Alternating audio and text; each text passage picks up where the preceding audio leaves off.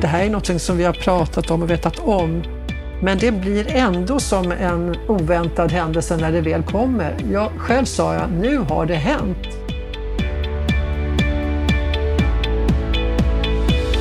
De stora översvämningarna som drabbade Gävle för ett par veckor sedan, ja, de kom inte som någon överraskning. I Bopolpodden idag får du träffa Gävles stadsarkitekt Helena Tallius Myrman. Vi samtalar om skadorna, om vilka utmaningar Gävle har som stad, vad man behöver göra framåt för att kommande katastrofer inte ska drabba staden lika hårt. Varmt välkommen till ännu en vecka med oss på Bopolpodden. Jag heter Anna Bellman.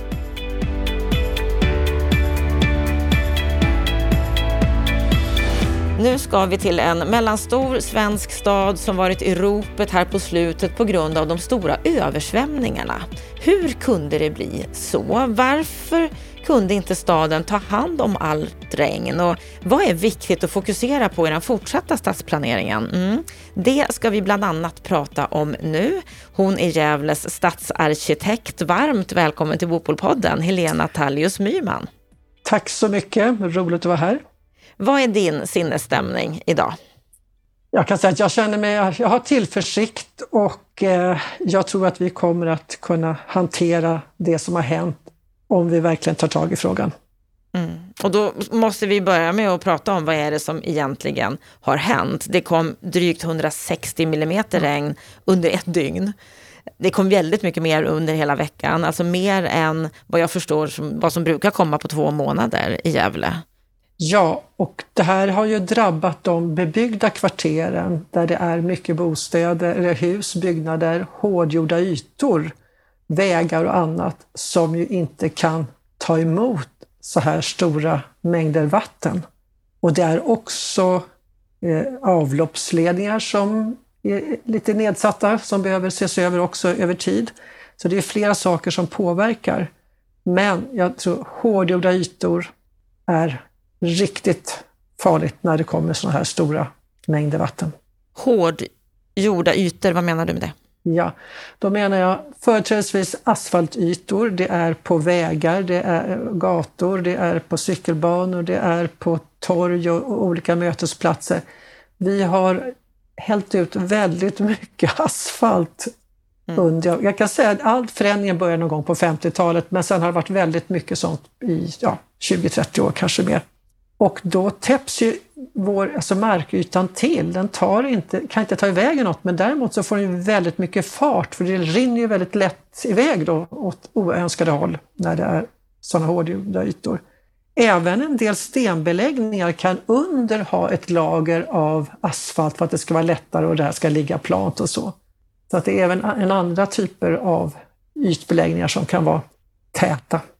Hur allvarliga skador har det blivit på stan? Ja, alltså det är ju allvarliga skador. Jag kan inte liksom beräkna det och komma med några siffror på det, men det är ju stora skador och det ju, drabbar ju både kommunen och det är regionen och det är ju privata fastighetsägare och villor, bostadsrättsföreningar och hus. Så det är alla möjliga som är drabbade av det här naturligtvis.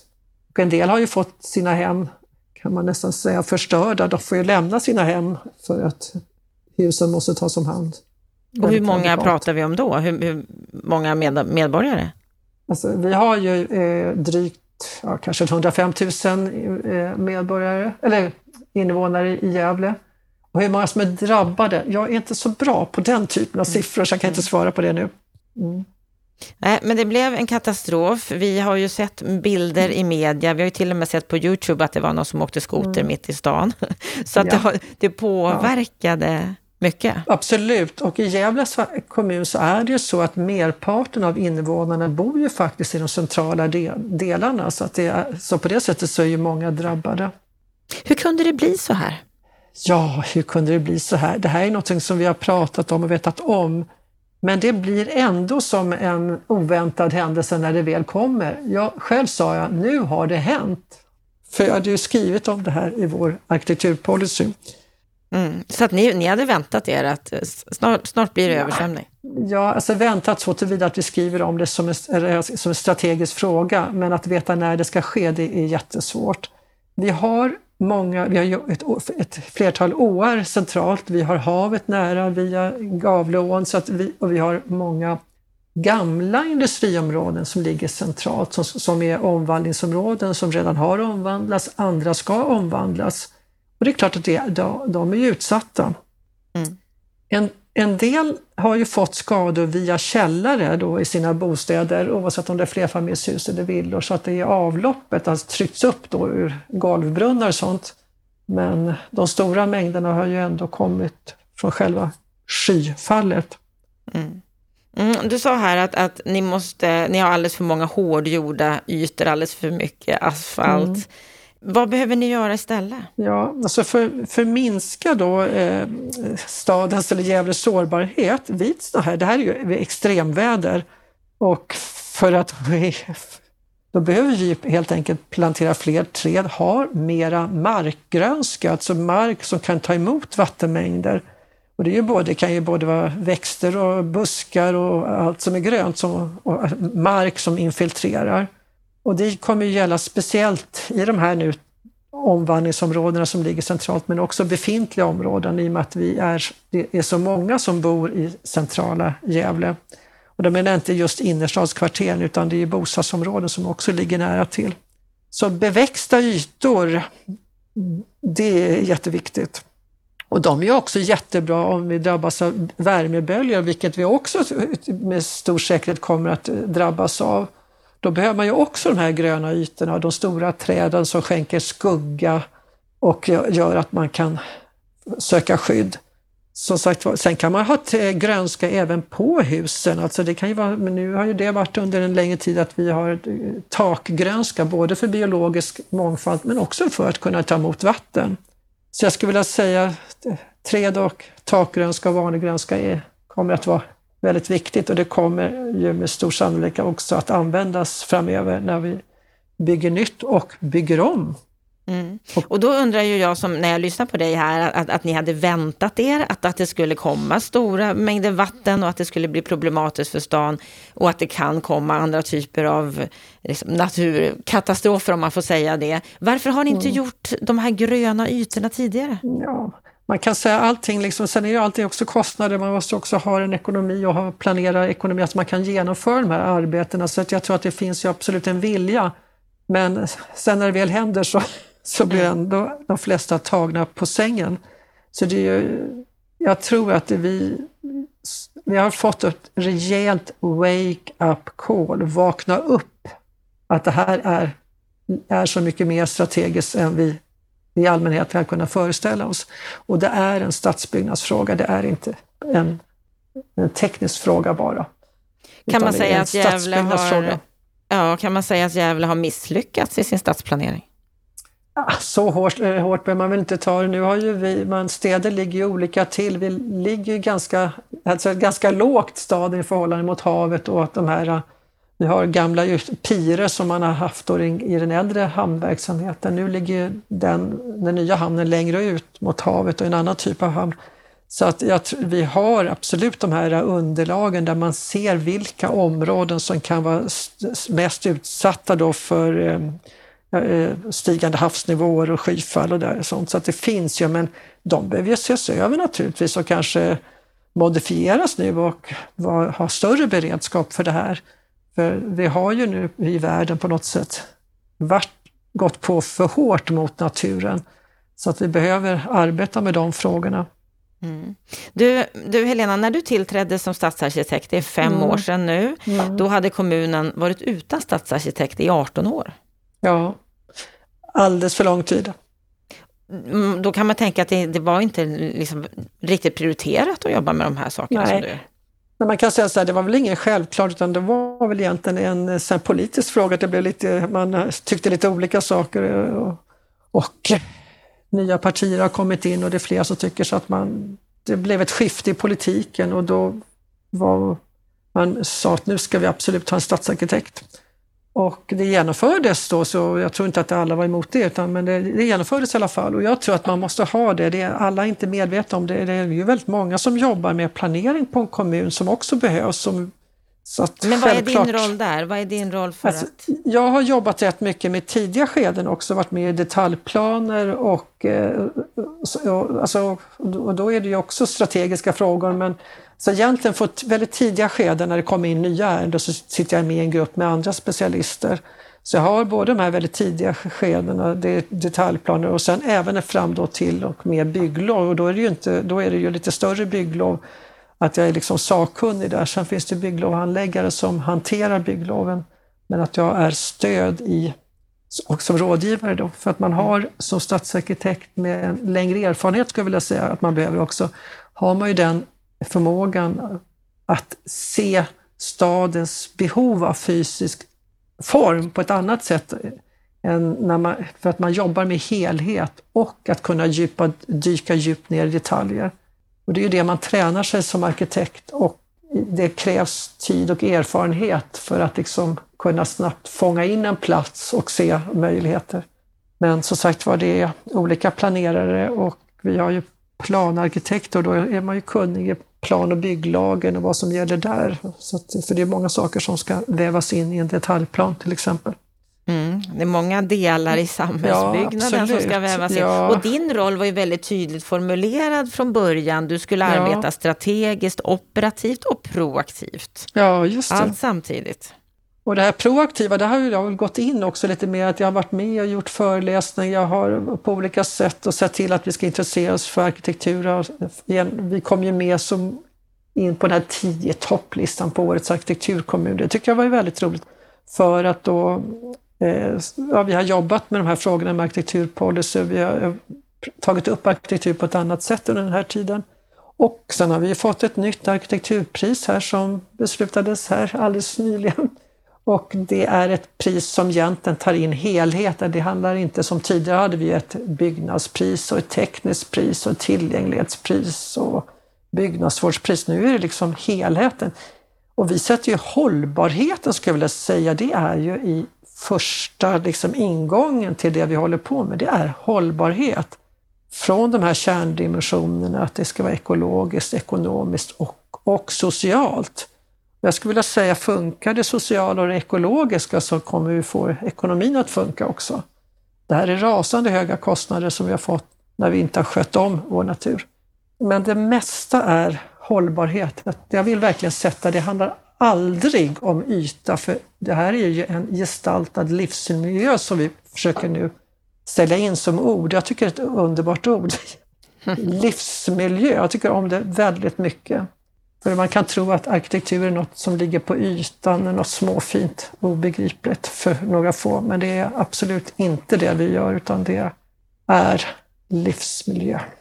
Men då tänker jag på det du berörde här med, med att, att det kostar mycket när vi inte gör saker och ting på rätt sätt. Mm. Samtidigt som du också mm. nämnde innan att, att mycket av de här gröna ytorna som, som ju behövs för att kunna ta hand om mm. vatten exempelvis, det, det har med budget att göra, att ni kanske inte har kommit så långt. Hur, hur ser du på det här med kostnadsproblematiken? Kan säga, det är en politisk fråga. Det är ju jättemånga saker som en kommun har att hantera naturligtvis. Det är många olika områden.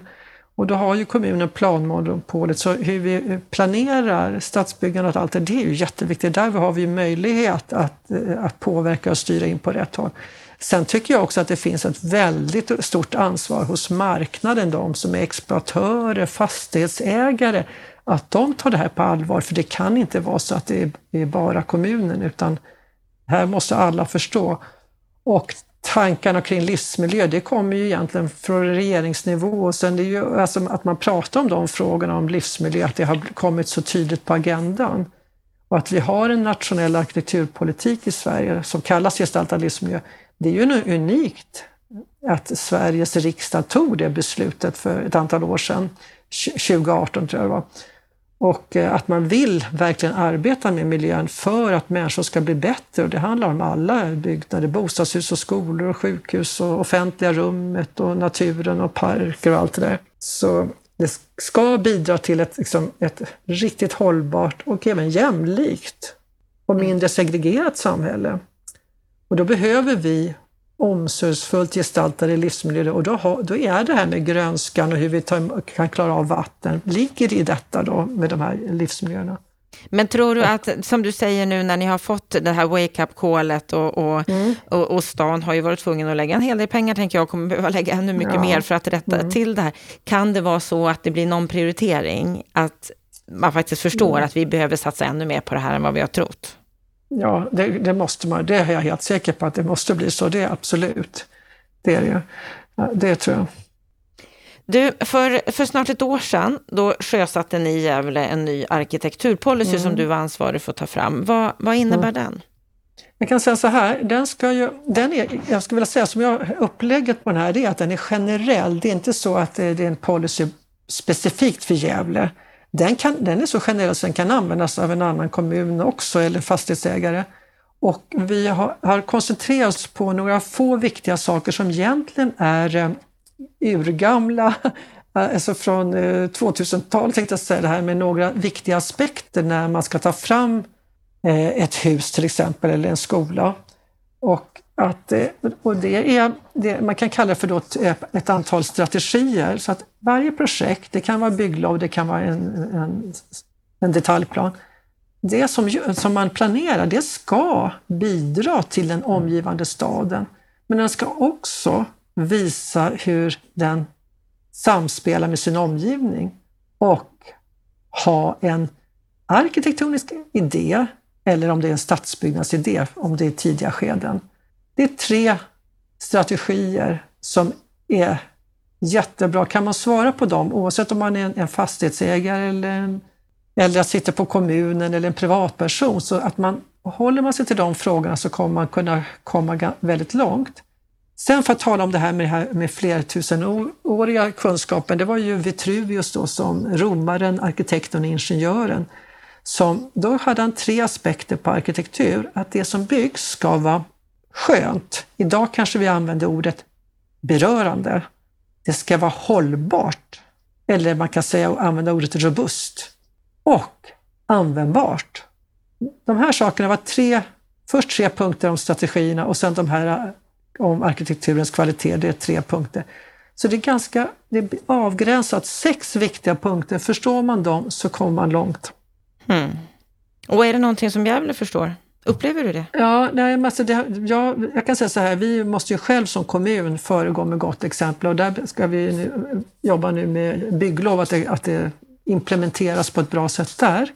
Jag har haft eh, som sagt var eh, dragningar med arkitektkontoren och ska också försöka få in, fast, vi ska en, försöka få in fastighetsägarna mera. Men nu har vi en annan grej med ökat träbyggan som står för dörren just nu. Så att det, men att det är viktigt i alla fall att det implementeras. Sen har jag skickat runt den här till några olika ställen också och den finns ju självklart på nätet, arkitekturpolicyn. Vad kommer den att bidra också. till tror du? Alltså om, man, om man börjar använda den här och inte känner att man har någon föreställning att det är komplicerat så, så tror jag att den kan faktiskt att, äh, bidra mycket. Och sen är det lite allmänna texter om Gävle, liksom vad man kan göra där och sånt. Och, och få en liten syn på Gävle också, hur det här med Rutnässtaden och södersaneringen som var på 60-talet, De man rev väldigt mycket centralt. Och, så det och Årummet som är en otroligt vacker, ett årum som Gävle är känt för, eh, Gavlån som går genom staden och in i det här underbara karaktärsområdet eh, Bolognen, då, fantastiskt stort, grönt, härligt område och det är forsar på våren som ligger relativt centralt som är en fantastiskt, så att man får lite syn på sin egen stad också. Och vad, vad, är då Gävle som stad? Vad har Gävle för ambitioner? Är det en stad som vill växa och attrahera? Ja, där är ju Gävle som flera andra, att man har ju ett begrepp som heter Gävle växer. Och, eh, så att det är ju högt på agendan och Gävle ligger ju väldigt strategiskt till. Det ligger efter eh, stambanan, det är, det är Stockholms norra hamn på samma sätt som vi brukar säga att, att Nynäshamn är den södra hamnen. Det ligger strategiskt med motorvägar också, på, även i öst-västlig riktning. Och, eh, så att det har ett nära Arlanda, så att det är, är och ett väldigt strategiskt läge. Och en gång i världen så var ju Gävle en av de större städerna i Sverige. Femte mm. största, det ligger tillbaka lite. Och inte riktigt det så idag, men det har väldigt goda förutsättningar att utvecklas. Och, och då ställer växa. det enorma krav, tänker jag, på ja, stadsplaneringen och hur ja. staden växer. Och för att växa behöver vi flera bostäder och då kommer det här vara ja, absolut av högsta vikt att, det, att man tar det här på allvar. Och vi har ju flera, den här arkitekturpolicyn är en, sen finns det ju andra planeringsriktlinjer som har tagits fram också. Och ett viktigt eh, program är att vårt eh, miljöstrategiska program som togs av KF samma år som arkitekturpolicyn tar. Och det finns också ett socialt hållbarhetsprogram, några år på nacken också. Det är ju, kan jag skulle vilja nästan säga, tre sådana här grundläggande viktiga planeringsunderlag för Gävle. Känner ni er väl ja. rustade för att ta de här stegen? Ja, då säger jag så här, jag hoppas det. Jag är inte insatt i allting, som stadsarkitekt är man ju inte. Mm. Man, man är en av många medarbetare. Mm.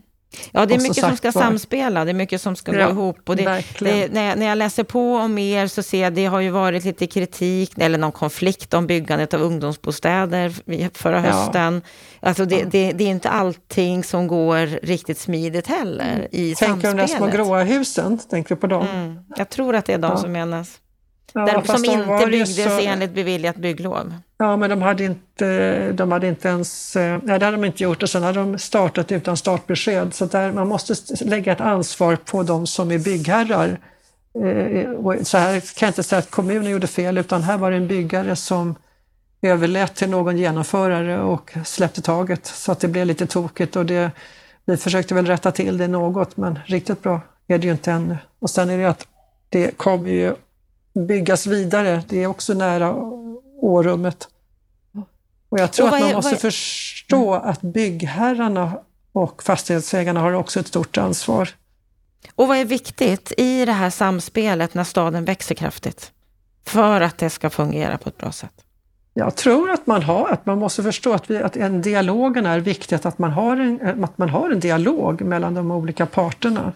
Och jag tänker också det att eh, man, och nu går jag till mitt eget skrå, där man tror att arkitekterna är de som bestämmer om husen. Jag skulle säga den bästa förutsättningen för bra byggande, oavsett om det är områden eller enskilda hus, det är ju att man har en klok och duktig byggherre. Mm. Det är den bästa förutsättningen. Det är inte som arkitekturupproret tror att det handlar om stil eller arkitekterna och sånt. Det är absolut inte så. Utan arkitekterna har en viktig roll tillsammans med andra naturligtvis strateger på olika sätt. Och hur mycket bör politikerna lägga sig ja, i? Ja, verkligen. De är ju de som tar besluten om det mesta, så de är väldigt viktiga. Och de är ju också måna på att de ska ha en bra relation med näringsliv på olika sätt och det är ju många frågor som man ska hantera. Så idag det, har vi ju många partier både i Gävle som vi har då i landet också, så att det är klart att det, man ska komma överens och förstå vad som är riktigt viktigt och vad som är mindre viktigt. Och vad är då riktigt viktigt för att ni i Gävle inte ska bli så påverkade när det kommer nästa skyfall?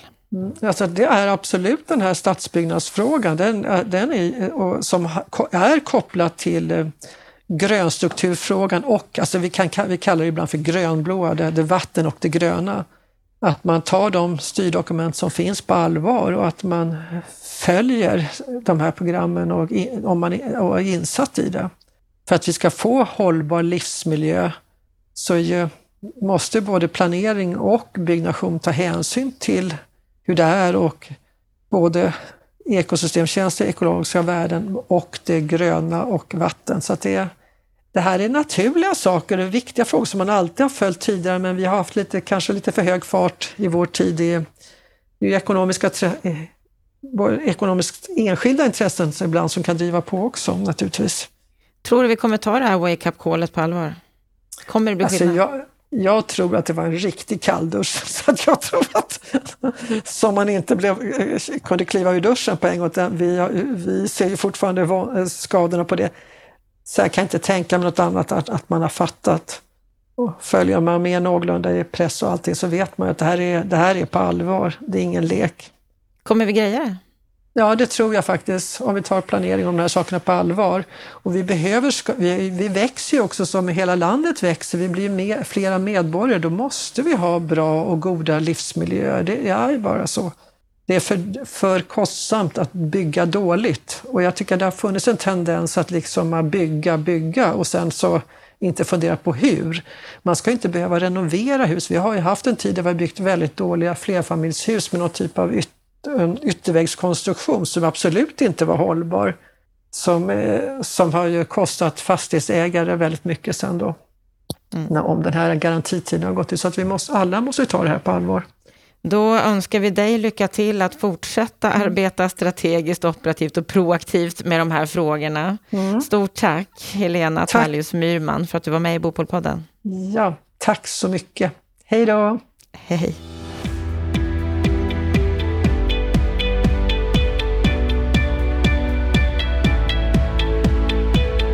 Då har vi hört samtalet med Helena Tallius Myrman, stadsarkitekt i Gävle. Ja, Lennart Weiss, vad säger du om det här samtalet? Eh, ja, men det var ju roligt att få, få eh, återknyta eh, banden till sin gamla hemstad så där i tanken. För det blir så, när jag lyssnar på det här samtalet så får jag ju massor med flashbacks utav min uppväxttid och så. Och jag har ju fortfarande min syrra och hennes barn och så kvar i stan så att jag jag finns ju där liksom mentalt ganska ofta. Helena känner jag inte men det, det är uppenbarligen en intressant och, och, och, mycket kompetent person för sin uppgift. Som du säger, du är ifrån Gävle och Helena berättade ju att Gävle har ju varit Sveriges femte stad men har nu rasat till 18. Va, vad säger du om det? Ja, det där är ju någonting som jag har reflekterat över egentligen ända sedan jag var ung SSU-are. Och det började, den historien började på 70-talet. Gävle var alltså fem, Sveriges femte största stad så sent som på 30-talet. Det var väldigt mycket hamnen, utskeppningsgods från Bergslagen som satte Gävle på kartan. Gavlån, inre hamnen, var Norrlands största eh, isfria hamn. Och där låg också isbrytarna under väldigt många år och det skapades en stark handelsmannatradition som sen gav upphov till sådana här varumärken som Gevalia och, och Ahlgrens och Pix och så vidare. Va? Men Gävle har äh, gått tillbaka och det beror ju väldigt mycket på att inte minst Socialdemokraterna hade svårt att liksom se vad den gamla industristaden så att säga skulle ersättas av för typ av näringsgeografi. Och jag skulle nog säga att man famlar fortfarande. Det är liksom länets regionhuvudstad. Det har blivit en administrationsstad. Men jag tycker ju att man har gjort eh, stora misstag både stadsbyggnadsmässigt och, när, och näringspolitiskt. Näringspolitiskt vet man fortfarande inte vad staden ska vara. Man, man, alldeles för sent kom man på att satsa på högre utbildning, vilket, man ju, eh, vilket var ett stort misstag. Och vidare så tycker jag att det tredje uppdraget, det, vill säga sambandet mellan högskolan och näringslivet fungerar dåligt. Men, men även i stadsbyggnadsmässig mening så tycker jag ju att eh, det, man har gjort eh, stora misstag. Och det stora misstaget är att man medvetet har glesat ut den inre staden. Jag har ju Helena tala med, med stor värme om, om den vackra innerstaden. För den är verkligen vacker med sina esplanader och den här Bolongerskogen, stadsparken som troligtvis är Sveriges största. Men man har medvetet glesat ut handeln och skapat en externhandel mellan Gävle och Sandviken. Det har gjort att staden har blivit bilberoende. Man har medvetet lagt de stora idrottsarenorna utanför staden och man har också glesat ut boendet med de här satellitförorterna där jag har bott i två utav dem. Och allt det där har gjort att staden i stor utsträckning är ganska, jag ska inte säga död, men, men, men den är inte särskilt vital. Och eh, vitalitet, alltså en stad är ju, är ju en, en, en, en handelsplats historiskt. Du måste skapa en spännande centrumyta där människor möts. Istället så åker nu människor med bil ut ur staden. Och på många sätt har Gävle blivit en sovstad och det gör att den har förlorat i vitalitet och det där tycker jag har varit stora misstag men de är ju extremt svåra att göra någonting åt på kort sikt. Men på lång sikt är det den sortens frågor som stadsbyggnadsarbetet i Gävle behöver adressera, menar jag. Och en annan fråga som de måste ta i beaktande när det gäller just stadsplaneringen, det är ju det vi pratar mycket om och anledningen till att vi pratar med Helena just nu, det är de här översvämningarna som vi såg för ett par veckor sedan här där hon ju säger att vi visste det här, det här skulle komma och Gävle är inte rustat stadsbyggnadsmässigt för att klara av den här stora mängden vatten. Hur borde Nej, de ha det är gjort? Ju egentligen, mm, ja, det, har, det, det, är nog egentligen ingen stad så att eh, det finns ju ingen anledning för Helena och hennes kollegor att känna dåligt samvete för det därför att även om så att säga, insikten om klimatförändringarna har kommit krypande de sista 40-50 åren så har det skett successivt och, och insikten om eh, ska vi säga, stora väderförändringar, eh, extremtorka, extremregn, den har ju egentligen blivit en insikt först, först de sista fem tio åren. Så att eh, det är inte så märkligt att man inte har kommit så långt. Men nu vet ju alla att vi måste jobba med klimatkrisen förebyggande för att liksom parera eh, de kommande, eh, ska vi säga, framförallt temperaturökningen. Och vi måste också arbeta med anpassningsåtgärder och där kan jag bara känna sympati för den typen av åtgärder hon skisserar och, och ser just att det här i stor utsträckning är en stadsbyggnadsfråga. Det känns väldigt sympatiskt och det kan mycket väl vara så att Gävle kommer ta täten i det gentemot andra städer med likartade lägen, alltså med stora vattendrag och närhet till havet och så. Eh, så det var väldigt intressant att lyssna på. Och sen är det ju så att visst, städer har mycket, mycket att tänka på när det gäller det här, men också tänker jag bygg och fastighetsbranschen överlag påverkar ju klimatet otroligt mycket med materialval, transporter och så vidare. Ja, absolut. Eh, och så är det och det gäller ju framförallt insatsvaror. Alltså det är ju det är stålet och det är cementen som är de två stora eh, klimatbovarna i det här sammanhanget. Men det beskriver man ju ibland som byggbranschrelaterade problem, men det är ju snarare materialrelaterade eh, eh, problem. Vi är ju liksom inte råvaruproducenter, vi köper de här produkterna för att använda när vi bygger hus och vägar och broar. Jag känner stor förtröstan i att vi kommer att ha fossilfri, fossilfritt stål och, och kanske även cement om 10-15 år. Eh, men däremot så känner jag, känner jag en oro för vad vi kommer att och kan göra de närmaste åren. Därför att alla säger ju att det är de närmaste tio åren som är helt avgörande för om man ska klara ett och ett halvt gradersmålet, kanske till och med två gradersmålet. Och där ser jag faktiskt inte så mycket åtgärder som gör eh, de här kvantsprången som skulle behövas. Jag menar man kan minska på fossila bränslen i transporter och återvinna material och så vidare. Va? Men det är ändå på marginalen. Det är dess åtgärder som ger effekter på marginalen. Och lite uppgiven kan jag ju känna mig när vi pratar om den sortens åtgärder och samtidigt läser man att Kina från dagens datum, Anna, till årsskiftet ska öppna 60 nya kolkraftverk. Alltså, det, allt som görs nu är viktigt, men, men det måste ju ske en helt annan förändring på den globala nivån. Det måste ske en helt annan riktning. Och jag menar våra, våra norska Eh, bröder, grannar som vi tycker så mycket om, de fortsätter att pumpa olja och, och öppna nya fält. Och den sortens frågor är betydligt större och viktigare trots allt. Ja, många frågor är angelägna och just detta med klimat och hållbarhet, där kan vi inte blunda längre. Vi kommer återkomma till det också här i Bopolpodden. Är det så att eh, du vill förkovra dig mer, ja, då går du in på bostadspolitik.se. Där kan du också anteckna dig för vårt nyhetsbrev som kommer ut varje fredag med det senaste som vi har hittat under veckan. Med detta så önskar jag dig en riktigt trevlig vecka så hörs vi på fredag igen då vi som vanligt sänder veckans Aktuellt med veckans nyheter. Må så gott!